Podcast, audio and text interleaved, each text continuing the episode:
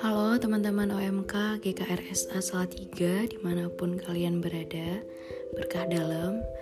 Perkenalkan saya Mentari dari Siliturgi OMK Pada kesempatan ini saya akan mengajak kalian untuk merenungkan tema BKSN tahun 2020 pertemuan yang pertama Pertemuan yang pertama bertemakan Allah adalah kasih diambil dari 1 Yohanes 4 ayat 7 sampai dengan 21. Marilah kita awali renungan pada kali ini dengan membuat tanda kemenangan Tuhan dalam nama Bapa dan Putra dan Roh Kudus. Amin.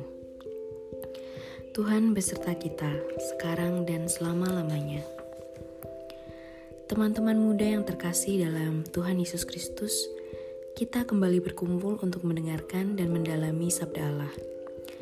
Dalam bulan Kitab Suci Nasional 2020 ini, kita akan mendalami tema mewartakan kabar baik di tengah krisis iman dan identitas. Kita akan mendalami teks-teks kitab suci yang berisi kabar baik bagi orang-orang yang menghadapi krisis iman dan identitas. Dalam kabar baik ini, kita akan melihat kebenaran mengenai Allah yang kita imani dan memahami identitas kita di hadapan Allah. Dengan pemahaman ini, kita dapat menolong saudara-saudara kita yang sedang mengalami krisis iman dan identitas sebagai orang Katolik. Dalam pertemuan pertama ini, kita akan mendalami 1 Yohanes 4 ayat 7 sampai dengan 21 yang menegaskan bahwa Allah adalah kasih. Marilah kita siapkan hati untuk mendengarkan sabda Allah. Marilah berdoa.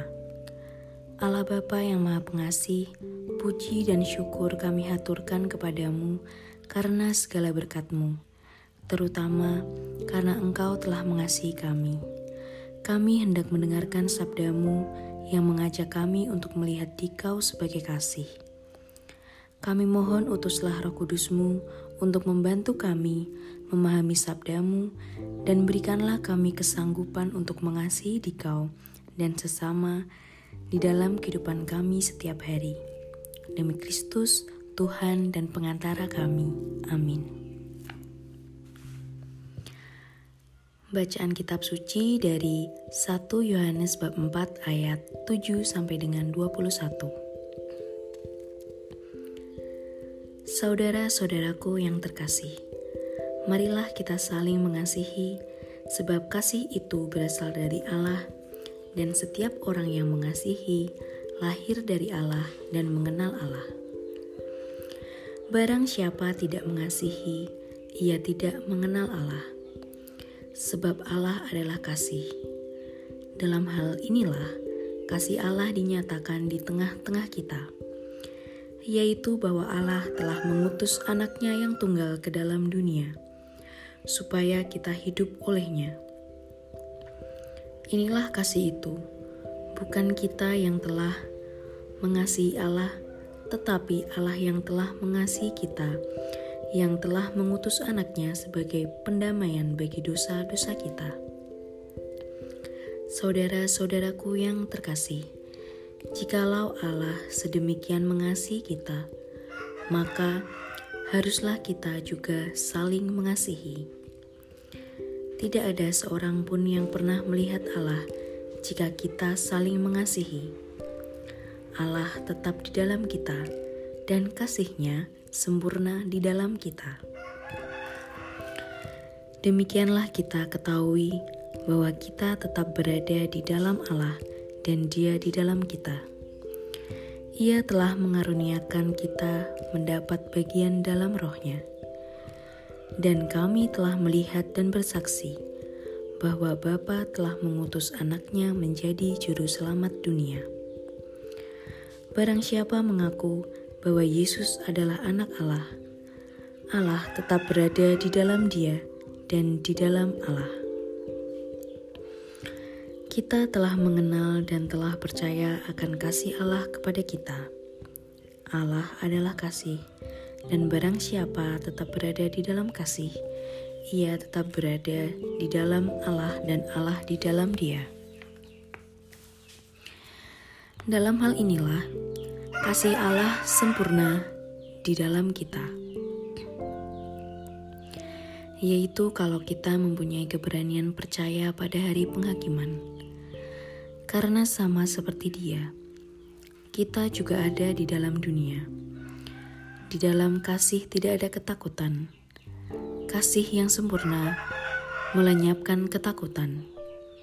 Sebab ketakutan mengandung hukuman, dan barang siapa takut, ia tidak sempurna di dalam kasih. Kita mengasihi karena Allah lebih dahulu mengasihi kita. Jikalau seorang berkata, "Aku mengasihi Allah," dan ia membenci saudaranya, maka ia adalah pendusta.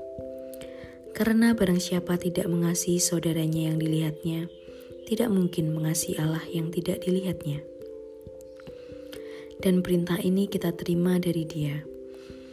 Barang siapa mengasihi Allah, ia juga mengasihi saudaranya. Demikianlah teman-teman bacaan Alkitab suci pada pertemuan kali ini. Uh, kita sampai ke pendalaman bacaan kitab suci.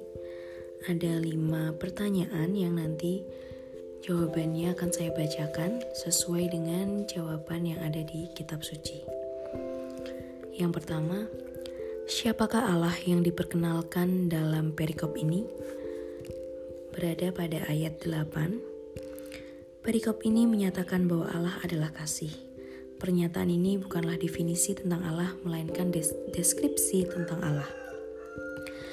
Allah tidak hanya mengasihi atau memiliki kasih, tetapi Ia sendiri adalah kasih.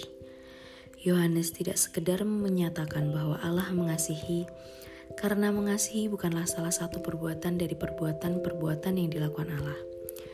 Segala aktivitas Allah adalah laku kasih, dan Ia menyatakan diri dalam kasih kepada manusia. Kemudian, yang kedua, bagaimana Allah mengasihi manusia? Berada pada ayat 9 sampai dengan 10. Allah menghendaki manusia berbahagia bersama Dia di surga selamanya. Di sana, manusia akan hidup dalam persekutuan kasih yang sempurna dengan Allah. Tetapi dosa menghalangi manusia untuk bersatu dengan Allah. Dosa membuat kita tidak layak untuk bersatu dengan Allah yang kudus di dalam kehidupan surgawi. Terdolong oleh kasihnya kepada manusia, Allah mengutus putranya untuk menyelamatkan manusia dari kekuasaan dosa. Di kayu salib, Yesus Kristus, anak Allah, mempersembahkan dirinya untuk menghapus dosa kita manusia. Setelah dosa dihapus oleh kurban Kristus, manusia dipandang layak untuk tinggal dalam kebahagiaan abadi di surga. Nomor 3 Mengapa kita harus mengasihi sesama? Berada pada ayat 11 dan 19. Dasar dari ajakan untuk saling mengasihi ini adalah identitas Allah yang diimaninya. Ya Allah adalah kasih. Kasih sejati lahir dari iman akan Kristus yang diutus oleh Allah Bapa untuk menyelamatkan manusia. Iman itulah yang mendorong orang untuk mengasihi orang lain. Kita mengasihi karena Allah lebih dahulu mengasihi kita. Hanya mereka yang telah mengasih, mengalami kasih Allah secara nyata dapat membagikan kasih itu kepada sesamanya. Pendalaman kitab suci yang keempat, mengapa di dalam kasih tidak ada ketakutan? Ada di ayat 18. Kasih Allah akan menjadi sempurna di dalam diri kita kalau kita mempunyai keberanian untuk percaya pada hari penghakiman. Kalau memang kita sudah merasa dikasih oleh Allah dan telah mengasihi sesama dalam kehidupan kita, kita tidak takut untuk menghadap pengadilan Tuhan atau Allah. Kita siap untuk dinilai oleh Allah karena semua yang dilakukannya di dunia dilakukan karena Ia mengasihi Allah.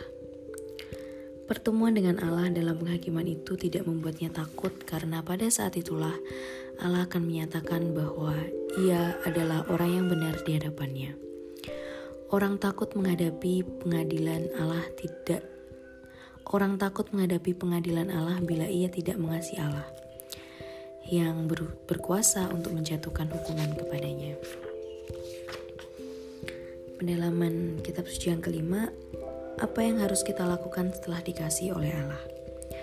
Ada di ayat 21. Allah tidak menunggu kita mengasihi dirinya dan baru kemudian ia mau mengasihi kita. Kasih Allah kepada kita itu sama sekali bukan balasan atau imbalan atas kita kasih kita kepadanya. Tetapi kasih kita merupakan tanggapan atas kasih Allah yang tak terbatas dan abadi. Tanggapan ini hanya mungkin diberikan bila kita mengerti bahwa Allah telah mengasihi kita dengan kasih yang sedemikian besar kita mengasihi sesama karena Allah sudah lebih dahulu mengasihi kita. Jika orang mengatakan bahwa ia mengasihi Allah tetapi membenci saudaranya, ia berdusta karena tidak mungkin mencintai Allah yang tidak kelihatan tanpa mencintai sesama yang kelihatan. Siapa yang mengasihi Allah, ia juga harus mengasihi saudaranya. Nah, itu tadi adalah pendalaman bacaan pada pertemuan pertama ini. Kemudian saya akan bacakan pesan dan penerapannya yang bisa kita lakukan untuk kehidupan kita sehari-hari. Kabar baik untuk manusia. Allah adalah kasih. Allah mengasihi kita dan menghendaki kita berbahagia di surga bersama Dia selamanya. Karena itu, kita meng ia mengutus anaknya untuk menghapus dosa kita sehingga kita layak menerima kebahagiaan abadi itu identitas kita, inilah identitas kita sebagai orang Katolik. Kita peroleh dari Allah yang kita percaya. Dalam arti umum, percaya berarti menerima suatu kebenaran tertentu, dan segala sesuatu yang berkaitan dengan keberanian ini. Karena itu, kita perlu memiliki pemahaman yang benar mengenai Allah yang kita percaya.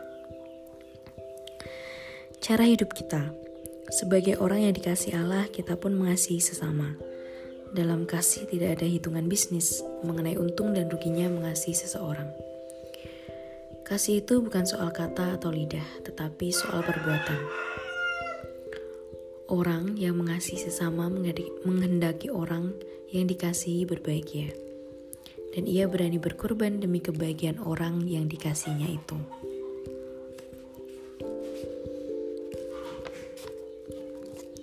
Baik, jadi itu adalah renungan yang bertemakan Allah adalah kasih dalam pertemuan pertama ini.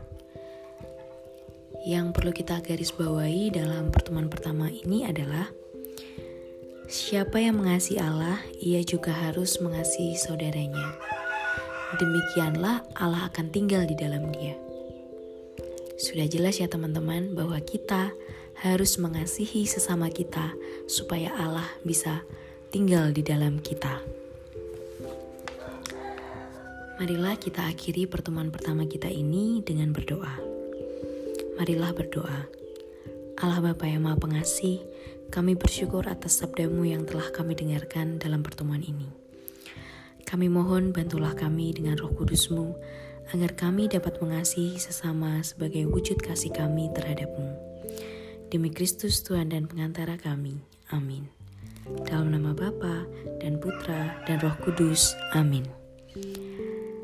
Demikian teman-teman pertemuan BKSN tahun 2020 yang pertama ini.